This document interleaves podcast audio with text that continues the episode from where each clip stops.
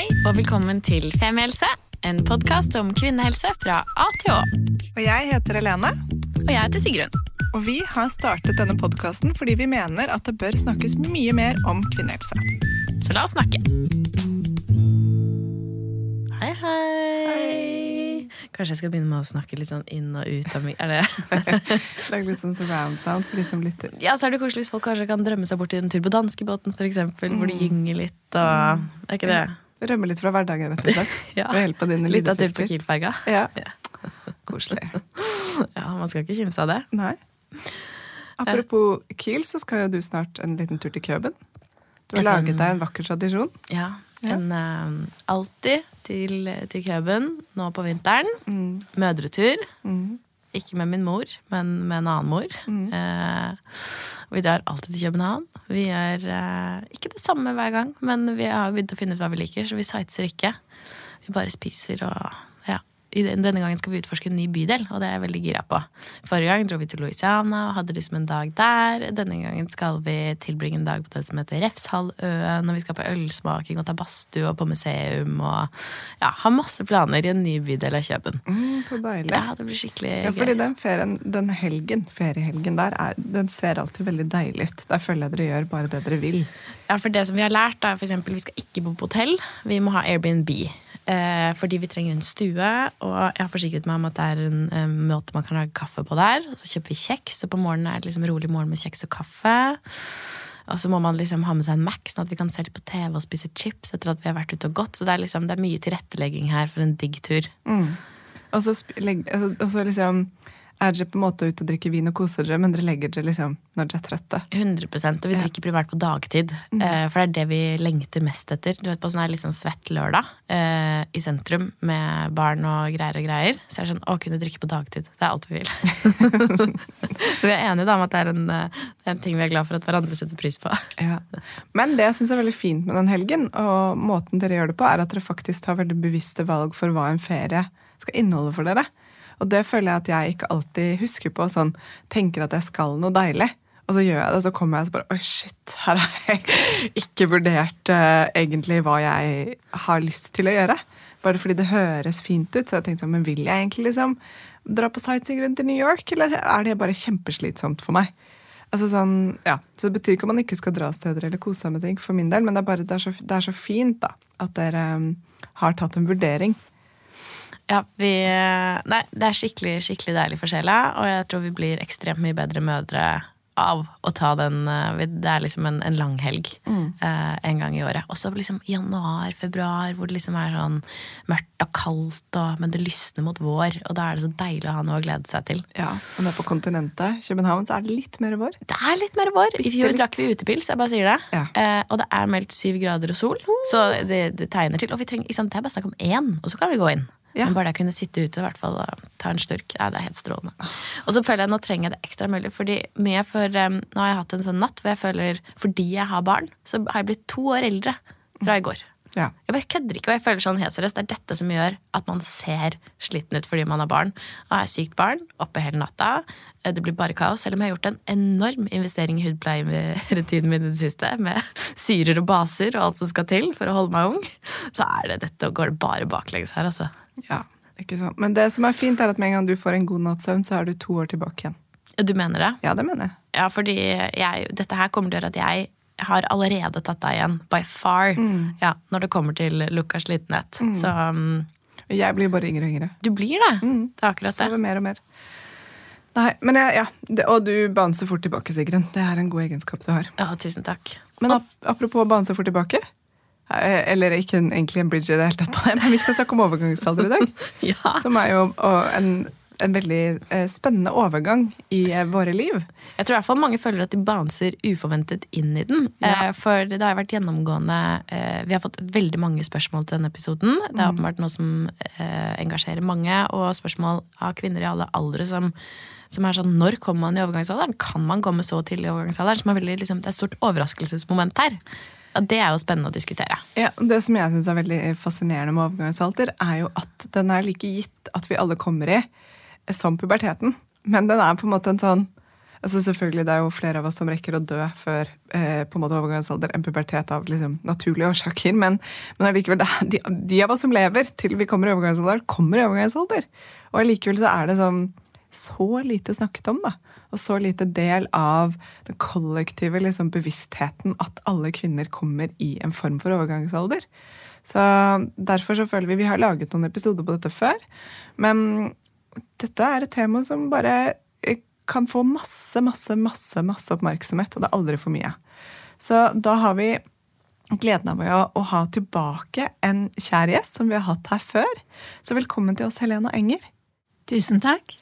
Det er så godt å ha deg her, fordi vi vet at liksom, eh, den kunnskapen du sitter på, den er så stødig. Og det er veldig deilig. Kan ikke du introdusere deg selv litt, fortelle litt om hva du gjør?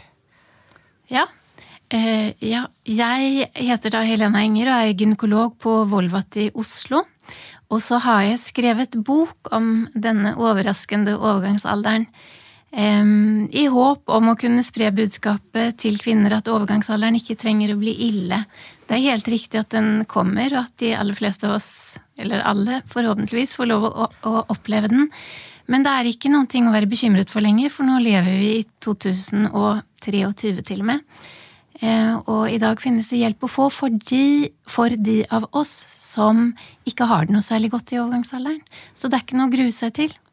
Og jeg må jo si, den eh, boken din den heter jo 'Hetetokter og kalde fakta'. Slik løser du plager i overgangsalderen basert på ny medisinsk viten. Og jeg tror eh, dette er en forløsende tittel for mange av de som hører på. For her eh, sier du nettopp at, eh, at, det finnes løsninger. Men før vi kommer til løsningene, eh, kan ikke du begynne med å forklare oss hva er egentlig overgangsalderen? Ja, Overgangsalderen er eh, det tidspunktet når eggstokkene begynner å få problemer med å lage nok østrogen. Og det pleier man å si kommer en gang mellom 45 og 55 års alder. Eh, hos noen kan det komme tidligere, men hos de fleste kommer det kanskje rundt sånn 52-53. Eh, og det veldig mange merker det på, det er at menstruasjonene blir rotete. Eh, og at man får hetetokter. Det er ganske kjent eh, blant kvinner flest, men alle de andre symptomene, som leddsmerter, at man kan bli trist og lei seg, at man kan få litt angstplager og hjertebank og ja, masse andre.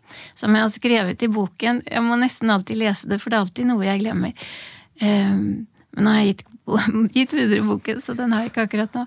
Um, men det er mange, mange forskjellige symptomer som, um, som, man kan drabbes av. Mm.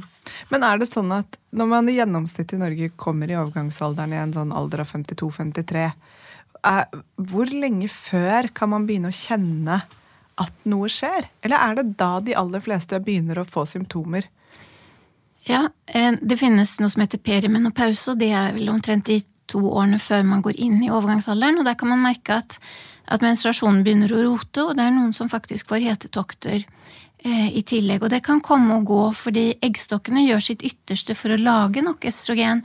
Og um, for det meste så klarer de det, og så kan det være en måned hvor det kanskje er litt vanskeligere, og akkurat den måneden så kan man da kanskje oppleve eh, hetetokter, og at man sover dårlig og føler seg litt mindre opplagt enn enn før. Men så kan menstruasjonen komme tilbake helt som vanlig, og når vi klarer å lage menstruasjon, så har vi hatt nok østrogen til å lage en østrogentopp, og da eh, får man en påfølgende menstruasjon 14 dager senere. Mm, så, så, det er rett og slett på en måte mangel på eh, vår naturlige østrogen som gjør at vi får disse symptomene. Yes. Mm, veldig interessant. Det er veldig sånn klartekst mm. for meg. Mm. Men um, jeg har jo noen um, bekjente som, som, som, sier at de f.eks. når de er i sånn midten av, eller nærmer seg midten av 40-årene, sier at de begynner å få kortere sykluser, f.eks. At istedenfor at de liksom lå på sånn 31 dager, plutselig er nede i 28, 27, 25. Er det et tegn? Altså at syklusene blir kortere, eller handler det om tilfeldigheter eller noe annet? Eh, det, er, det kan absolutt være et tegn, men jeg ville sagt at det er ikke noen ting å bekymre seg om eh, eller for. Det er mange som sier at menstruasjonen er nå blitt eh, mindre kraftig eller har forandret farve, og da tenker jeg da får man bare glede seg om den blir mindre kraftig. Eh, syklus, om syklus blir veldig kort og man føler at man har menstruasjon hele tiden, da ville jeg tatt det opp, for det gir ikke noe god livskvalitet. Mm, men er man regelmessig, så pleier det å tyde på at eggstokkene funker fortsatt ganske godt, til tross for at syklus kan bli kortere. Hm. Interessant. Spennende. Da, for nå snakker vi om eh, ganske mange plager knyttet til overgangsalder.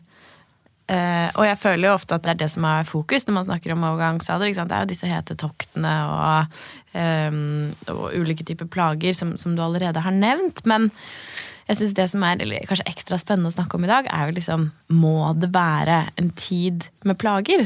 Eh, overgangsalderen? Eller har vi i dag kommet dit at vi kan behandle de plagene som kommer, på en måte som gjør at livskvaliteten kan være god gjennom For det er jo ganske mange år man er i overgangsalder, er det ikke det? Hvor mange år er det? Ja, I snitt så er det syv år. 7,4 ja. år har de forsket seg frem til. Ja, for jeg følte at det var sånn ti, men da var ikke det så langt unna. Nei, det, du lå ganske Det er lenge. Ja. Ja, og så Overgangsalder høres ut som at man, man går inn i noen ting, eh, og så tar det syv år eller ti år, og så går man ut av det og blir seg selv igjen. Sånn er det ikke. Etter overgangsalderen så har vi ikke noe mer østrogen igjen.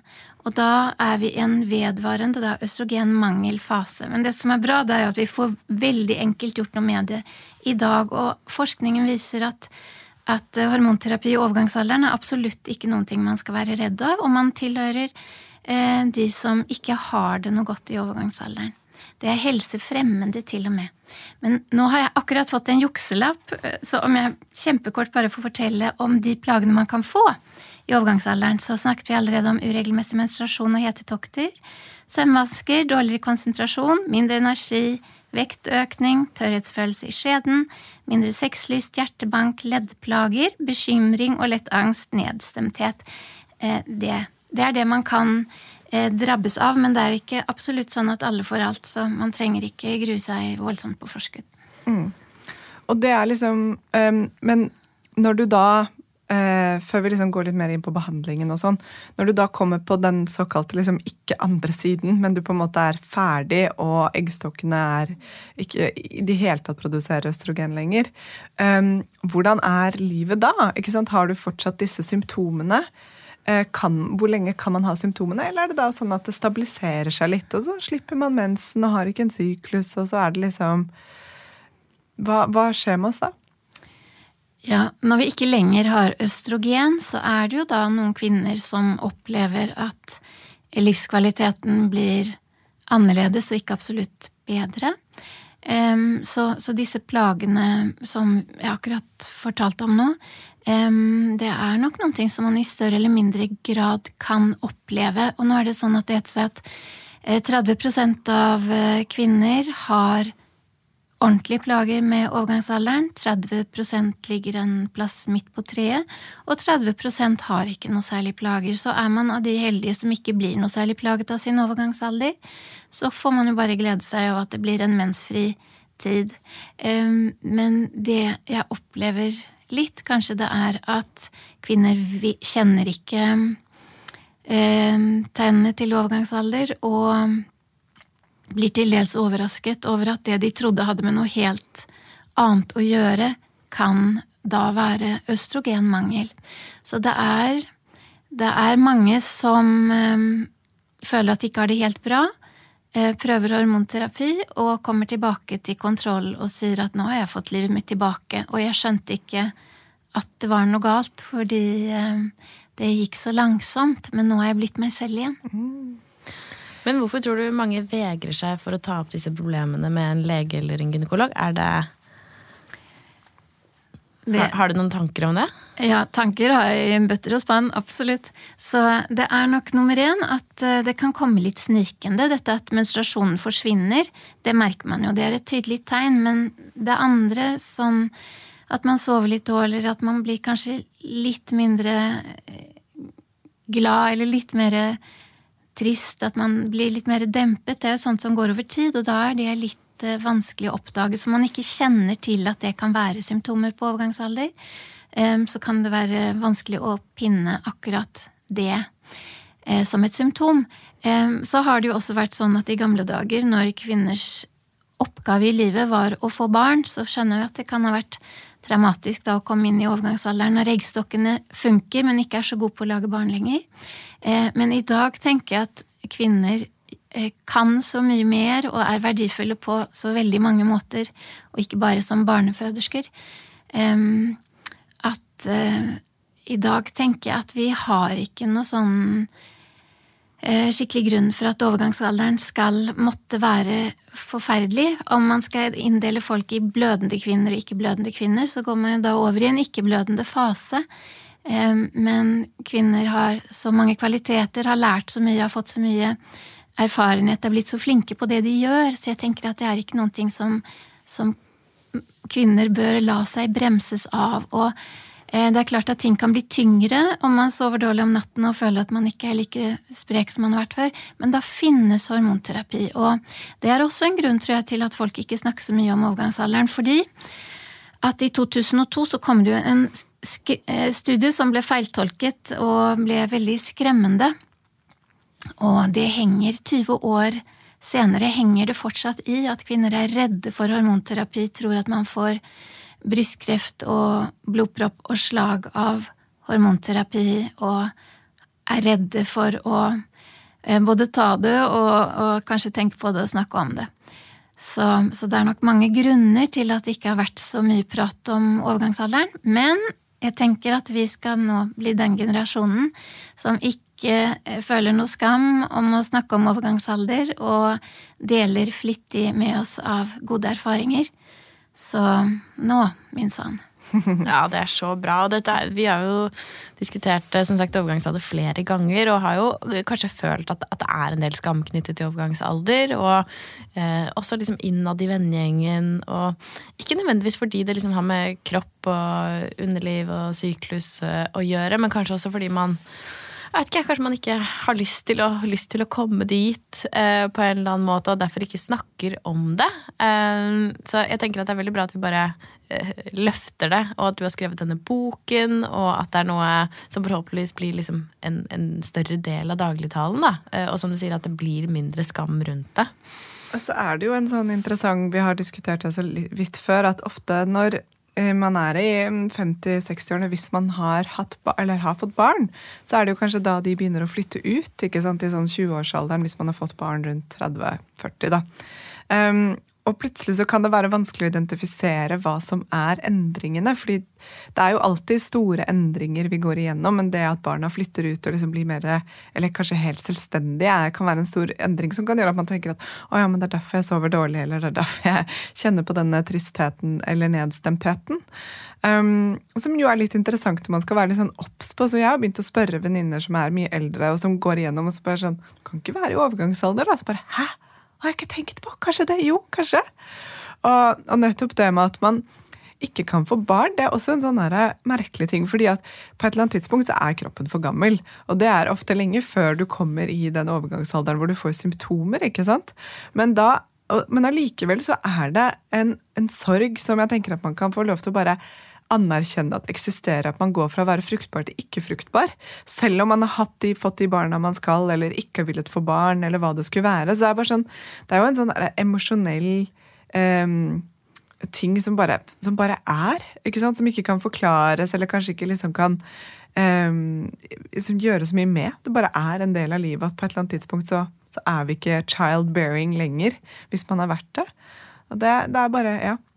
Men, men, dette med denne hormonbehandlingen, kan ikke du fortelle litt? Hva er det? Er det piller? Er det plaster? Er det kremer? Er det all of the above? Eller hva, hvordan funker det? Hva gjør man hvis man skal få en hormonbehandling? Ja, Det var i grunnen en fin sammenfatning. Mm. Eh, piller, eh, plaster eller kremer. Alt det finnes. Og om man da tenker at eh, overgangsalderen blir en fase hvor vi Eh, synk, altså hvor vi får mindre østrogen over tid, og til slutt ikke har noen ting igjen i det hele tatt. Om vi da er plaget av overgangsaldersplager, som vi snakket om i stad, så hjelper det å løfte østrogennivået lite grann. Vi løfter ikke like høyt som, som vi hadde østrogenverdier når vi var 25, men bare det å løfte lite grann gjør ofte at man får at man får mindre plager, eller at plagene forsvinner til og med. Uh, og, og, da er det jo fra gammelt av så har det vært uh, mye tabletter som gjelder, og fra gammelt av så De eldste preparatene er ikke absolutt de snilleste preparatene uh, unnskyld, de, de, beste preparatene lenger, fordi at vi har fått nye preparater som er veldig fine og skånsomme mot kroppen. Eh, men alle hormonterapipreparater som da består av et østrogenpreparat og et preparat som passer på livmorslimhinnen for at den ikke skal vokse, det heter gestagen. Uh, alle disse preparatene um, senker dødelighet og sykelighet hos kvinner. Så det er faktisk farligere å ikke gå på hormonterapi enn å gå på hormonterapi. Og de fleste er så redde for brystkreft at de tenker at dette vet jeg ikke om jeg tør, men da er det viktig å vite at hormonterapi beskytter mot andre mye farligere mm, kreftformer enn brystkreft, sånn at kvinner som går på hormonterapi, kommer ut på riktig side, altså med lavere dødelighet og lavere sykelighet. Og om jeg får si noen ting til de nyeste preparatene, så er det da har man forstått at dette gestagenet som passer på livmors det er det som er litt hissigere på, på brystvevet, men de nye Det som heter mikronisert progesteron, er da det skån, mest skånsomme stoffet for, for brystkjertelvevet, og da er det en brystkreftrisiko som man regner med på 0,6 eh, per 1000 kvinneår, eh, kaller man det for, og den anses å være veldig liten. Og så må man huske på dette da at man får beskyttelse mot så mye annen farligere kreft at, at det er en positiv ting. Hm. Hva slags kreft er det man kan få beskyttelse mot? Ja, blant annet om man går på hormonterapi, så har man mindre eh, livmorslimhinnekreft og mindre tykktarmskreft, for mm. eksempel. Men går man inn og spesialbehandler eh, de ulike plagene? Altså Hvis vi sier at jeg er mer plaget av det ene enn det andre, er behandlingen forskjellig fra plage til plage? Om det er at jeg er mer plaget av hetetokter eller av en tørr skjede, eller at jeg er mye lei meg. Eh, hvordan angriper du disse plagene? Ja. Nei, behandlingen er den samme for eh, de forskjellige plagene som man har. Og det man gjør, det er ofte at man starter med en litt lav dose, og så eh, titrerer man seg opp, sier vi at man, man, ser har plagene blitt bedre. Er det nok, eller må vi litt høyere i dose? Um, det er det vanlige. Men det som er viktig, det er at man starter en hormonterapi senest ti år etter den siste menstruasjonen. Og så prøve å finne riktig preparat til riktig kvinne på riktig tidspunkt i livet. Og da pleier jeg å anbefale overfor mine pasienter eh, de, de snilleste preparatene i, i, utgangspunktet. Så for å forebygge for eksempel um, blodpropp og blodpropp og høyt blodtrykk, så kan man gi østrogen i, gjennom huden som plaster eller som gelé. Eh, da unngår man de plagene om noen er redd og tenker at jeg har hatt blodpropp, så jeg kan aldri gå på hormonterapi. Eh, da er det en mulighet å unngå. Så man får tilpasse litt og legge til rette at man finner den beste behandlingen for pasienten sin. Mm. Jeg har også en liten teori på hvorfor man snakker, liksom ikke snakker så mye om dette. er fordi at eh, når det da er ca. 60% som har ingen til moderate eller ikke så alvorlige plager, så er det jo, eller mer enn det, så er det jo da altså De 30 som blir veldig plaget, kan jo fort føle seg litt alene i en vennegjeng. Hvis hvis, du, på en måte tar det opp ved en middag og bare ok, jeg sliter så innmari, så bare, å, jeg gjør ikke det. Nei, ikke jeg heller. Så kan det jo nesten føles ut som man gjør noe feil, eller at man liksom har um, at, det, at, man, at, det, er en grunn til at man får det. Men er det noen faktorer vi vet at påvirker at man kan få en mer uh, plagsom overgangsalder, eller er det helt liksom tilfeldig? Det er helt tilfeldig, og, og, jeg lurer jo en del på Jeg opplever hver eneste dag på min jobb eh, at kvinner jo ikke kjenner symptomene på overgangsalder. Og da tenker jeg, hvem er det som har funnet ut at 30% er veldig plaget, og 30 er middels plaget, og 30% ikke plaget? Når jeg opplever hver eneste dag at kvinner for det meste ikke har den mildeste anelse om hva som er plager knyttet opp til overgangsalder. Så jeg tror at det er flere som er plaget enn det man tror. Ja. Eh, det tror jeg nok.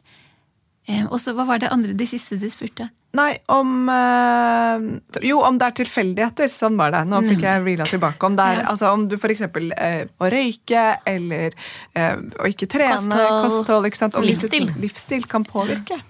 Ja. Røyking kan gjøre at man kommer tidligere i overgangsalderen.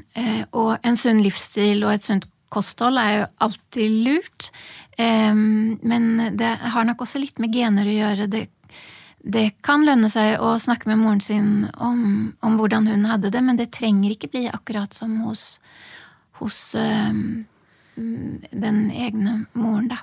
Ja, for hvor arvelig er tidspunktet, spesielt for når man kommer i overgangsalder?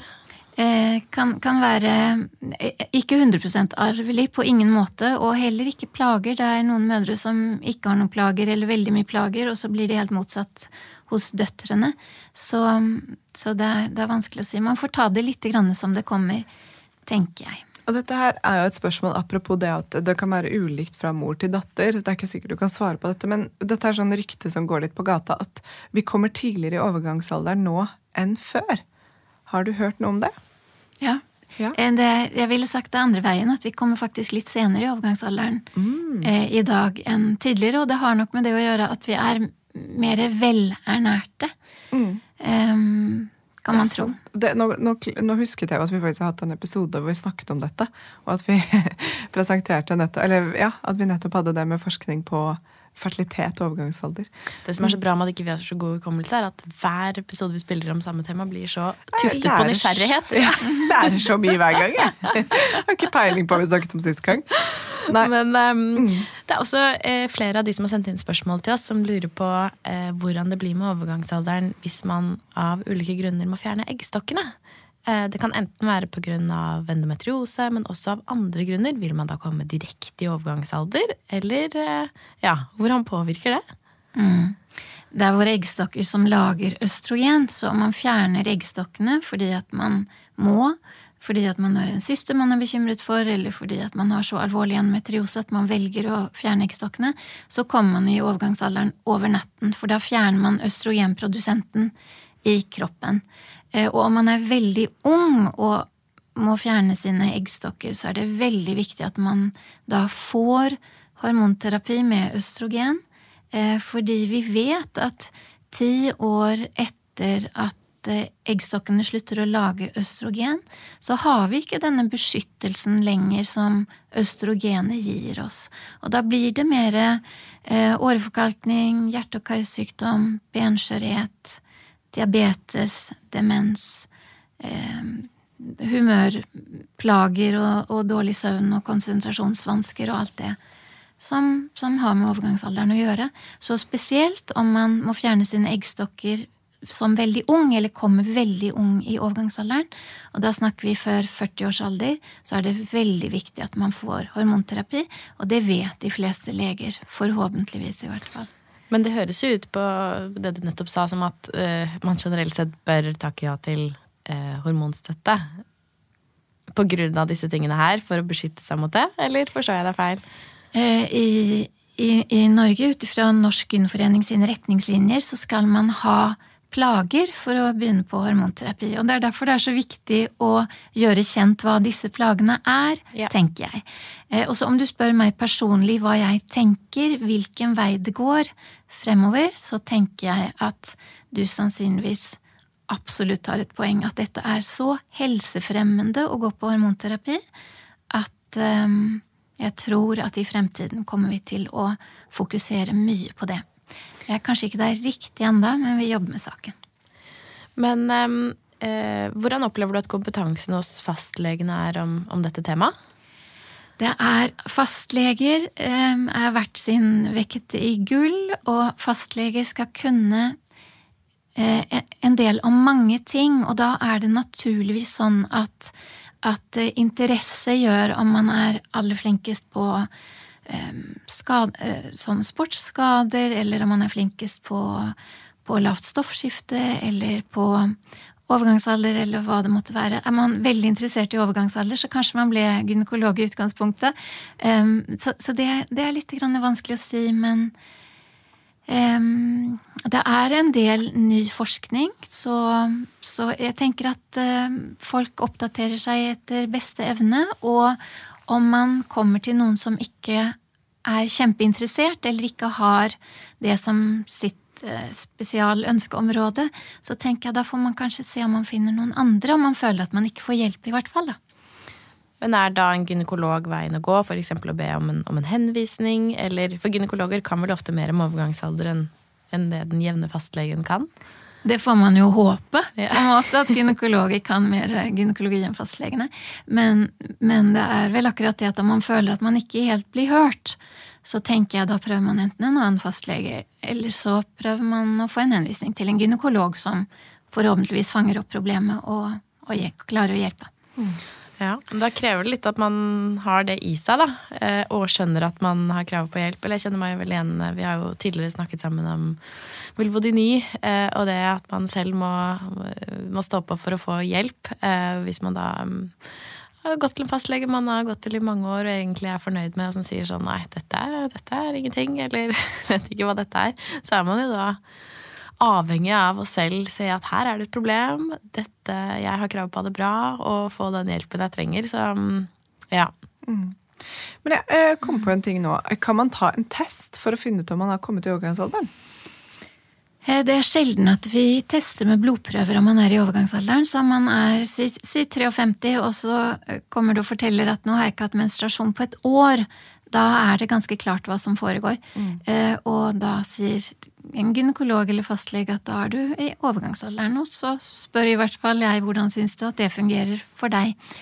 Eh, om man er ung, altså om man kommer for tidlig i overgangsalderen, Um, om man kommer og sier at uh, nå har menstruasjonen forsvunnet, og jeg er bare 38 år, eller jeg er kanskje til og med 32 eller 28, enda verre, uh, da, ta, da, tar, da, tar, vi blodprøver for å se om, om, det kan være noe annet, og kikker på hvordan det ser ut med kjønnshormonene. da hvor ligger man i østrogen?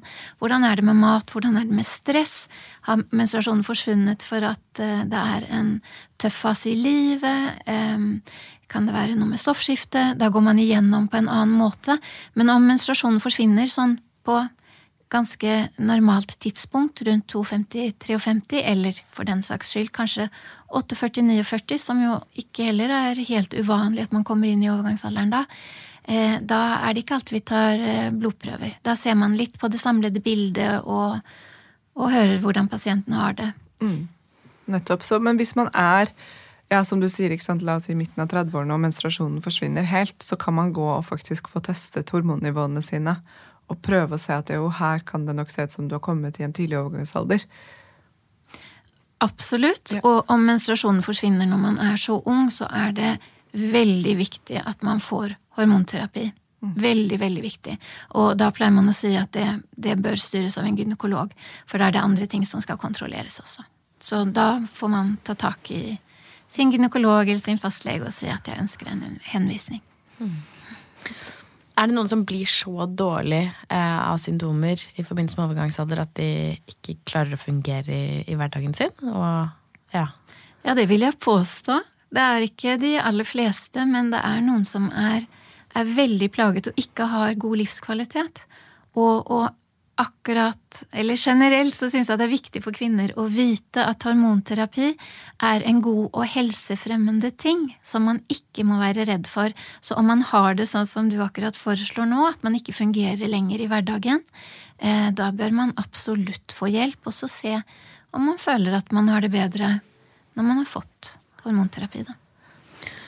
For jeg tenker at dette her er sånn viktig at vi må passe på hverandre. At liksom hvis man har venninner eller mødre eller tanter eller whatever som er i på en måte i den alderen hvor det er naturlig at overgangsalderen kanskje har kommet, at man er litt sånn å ja, men du skal, ikke, du skal ikke ta deg en tur til gynekologen og liksom sjekke opp da, og snakke om, og liksom, og snakke om disse symptomene, som kan komme som du sier, snikende. ikke sant? Og kanskje føles ut som en, at man går over en annen fase i livet, og at det er derfor. Men at det også har selvfølgelig veldig mye å si med hormonbildet inni kroppen. Mm. Ja, veldig gjerne. Det er derfor jeg er så opptatt av at, at, man skal snakke om det. Så jeg pleier å si til mine pasienter om de har fått hormonterapi for at de ikke har hatt det godt, og kommer tilbake og forteller at nå fikk jeg livet mitt tilbake, så pleier jeg å si nå må du spre det glade budskap. Fortell det for alle venninnene dine, og om det er noen du føler sliter og kanskje har det litt på samme måte som du har hatt det selv, så, så, pass it on, gi det videre. Det mm. er, det er, hjelp å få, og vi må bare spre det. Det må bli en del av alle kvinners bevissthet, tenker jeg. At det kan bli tøft i en periode, men blir det det, så er det hjelp å få. Ja. Amen, sister. Yes. Ja, det er veldig fint. En, gang, en, ting vi ikke har uh, snakket så mye om ennå, er jo hvordan fruktbarheten påvirkes av uh, overgangsalder. For det er blant annet en av dere som hører på, som har stilt spørsmålet om, um, om det stemmer at fruktbarheten begynner å synke allerede ti år før man kommer i overgangsalder. Kan du si noe om det? Ja, det skal jeg gjerne si noe om. Det er helt riktig. Og om man ser på urfolk som lever i naturen og ikke har TV og ikke har Netflix og er glad i hverandre, så ser man at eh, kvinnene ofte får det siste barnet sitt ti år før menstruasjonen opphører. Det er ingen absolutt regel, og, og, og man kan naturligvis ha flaks og, og, bli gravid. Flaks eller uflaks, eh, helt ettersom det man ønsker seg. Eh, men det vi ser, er at fruktbarheten de siste ti årene før siste menstruasjon pleier å synke. Eh, så det er riktig. Og så har jeg pasienter som sier kan du garantere meg at jeg ikke ble gravid? Og det kan jeg naturligvis ikke, fordi vi vet jo først i ettertid når eh, siste menstruasjonen kom og overgangsalderen har begynt. Så det er litt vanskelig å se. Men av og til så, eh, så har jeg pasienter som sier at jeg hadde så lyst på et barn til når jeg ble 39, men det ble ingenting. Og så eh, sluttet menstruasjonen å komme når jeg var 45. Og da har man på en måte en, en, forklaring på hvorfor det ble vanskelig. Så jeg sier som alle gynekologer til alle kvinner at det å vente veldig lenge med å få sitt første barn, det kan være litt eh, shaky. Så om ting ligger til rette, ikke vent på at bilen er nedbetalt eller at Men tror du noen gjør det?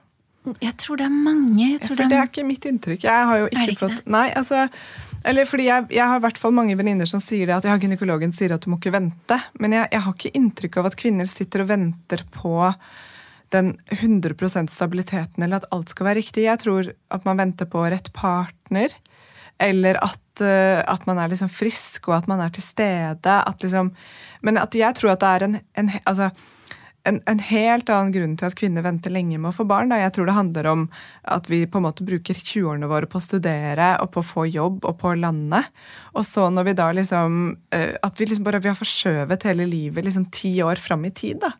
Um, men, men, sånn rent fysisk så er det jo kjempeviktig at man prøver å få barn så tidlig som mulig hvis man har lyst på barn. Men jeg, jeg er veldig usikker på årsaken, og jeg tror ikke årsaken er at vi sitter på gjerdet og venter. Jeg tror det bare er at livet har blitt helt sånn annerledes enn det det var før? Jeg, jeg er veldig enig. I, i Oslo så, så får kvinner ja. Eh, nå sitt første barn ofte rundt 35 års alder. Og gynekologens problem da, det er at fruktbarheten vår er på topp når man er 24. Og jeg er veldig enig med deg i at man bør vente på den som man har lyst til å få barn med. Um, Absolutt. Så, jeg tror, akkurat som du sier, at vi, vi forskyver livet. Vi føler oss så veldig unge veldig mye lenger enn det man gjorde før. Før var forventningen at man skulle få barn mye tidligere. Og i dag så har man så mye man, man har lyst til å gjøre, og man har en, en jobb som er hyggelig, og det, det, er ikke så presserende. Det er bare dette at om, om, det er viktig for deg å få barn i livet ditt, så tenker jeg ikke begynn å tenke tanken på barn når du er 39. Mm. Fordi det kan uh... For det, jeg vet, jeg har lest litt om dette, men det, jeg syns det er superinteressant, fordi det er en veldig sånn um eller det som er interessant med det, er nettopp det f.eks. Eh, hvordan det tilrettelegges for studenter å få barn. Hva slags liksom, støtte, økonomisk støtte man får. At, både, altså at begge i et parforhold jobber 100 ikke sant? og at det er i de tidlige årene man legger på en måte grunnlaget for karriere. Det er så mange sånne ting som, som på en måte er motstridende fra samfunnets ønske om at man skal få mange barn. Så er det allikevel en sånn For hvis det var virkelig sånn der, få barn, så er du 100% økonomisk trygg, og du, får, du er jo garantert barnehageplass det første året, osv. osv. Det er bare sånn ja. Så er det bare sykt dyrt å få barn. Ja, det er kjempedyrt òg, ikke sant. Så nei, det er, en, det er en helt annen diskusjon, men jeg, jeg um, Ja, nei, jeg bare For jeg har også fått den beskjeden fra gynekologer noen ganger som er sånn Ikke vent! Så er sånn Nei. Prøver å ikke vente. Prøver å ikke vente, prøver å, prøver å være tidlig ute, men det gikk ikke. Men det er jo, jeg tenker dette er noe vi også kan spille en egen podkast om. Det har vi for så vidt gjort før òg, men liksom ja. samfunnspolitisk, og det er eh, ja. veldig spennende. Kanskje få inn noen politikere i studio for å diskutere dette mm. Eh, temaet. Betalt for omsorgen man, man legger inn. Ja, eller jeg tenker mm. bare større skvatt, altså skattefradrag, ja. um, tanke på barnehage og Ja, det er er superdyrt å ha barn. Mm. Ah, ja. Skal vi eh, begynne å runde av, kanskje? Ja. ja. Eh, tusen takk for alle spørsmålene som har kommet inn. Er det Helena, Har du lyst til å legge til noe før vi begynner å avslutte? Vi kan jo si at vi er jo så heldige å få lov til å lodde ut uh, boken din. så når, hvis du er så heldig at du hører på denne episoden når den faktisk slippes, så kan du gå inn på vår Instagram-konto og se om det ikke er en bok å vinne der. Mm. Men er det noe du har lyst til å legge til før vi avslutter? Nei, egentlig Jeg, jeg tror at vi har vært innom en, en, god del. Så bra. Ja, og denne boken anbefaler vi på det varmeste. Det var litt sånn som Helena sa når vi møttes i studio. Vi leste opp alle spørsmål. så bare, Hadde man lest boken, så hadde man jo hatt svar på alt dette. Ja. Og det føler jeg litt sånn her med overgangsalder. er sånn, La oss bare faktisk uh, utdanne oss selv. Lese bøkene som fins der ute. For har du lest dem én gang i livet, så kanskje du møter da overgangsalderen litt sånn uh, litt mer til stede. Og litt bare sånn Vent litt, dette vet jeg hva er, for jeg har lest én bok én gang i livet. Så les den også før du er der sjøl. Ja, ja, virkelig. Både for din egen del, også for de rundt deg. Ja. ja. Mm. Tusen takk, Helena. Veldig hyggelig å ha deg her. Tusen takk. Tusen takk for at jeg fikk lov å komme. Snakkes. Snakkes. Ha det. Tusen takk for at du hørte på podkasten vår. Selv om det forhåpentligvis kommer tydelig frem, så vil vi understreke at vi ikke er helsepersonell. Ja, så Som vanlig, kontakt legen din om du har noen spørsmål, eller om du skal begynne på noen form for behandling. Og Har du et tema som du har lyst til at vi skal snakke om, eller noe ris eller ros, så send oss gjerne en melding på Facebook eller på Instagram. Der finner du oss under Femihelse. Mm.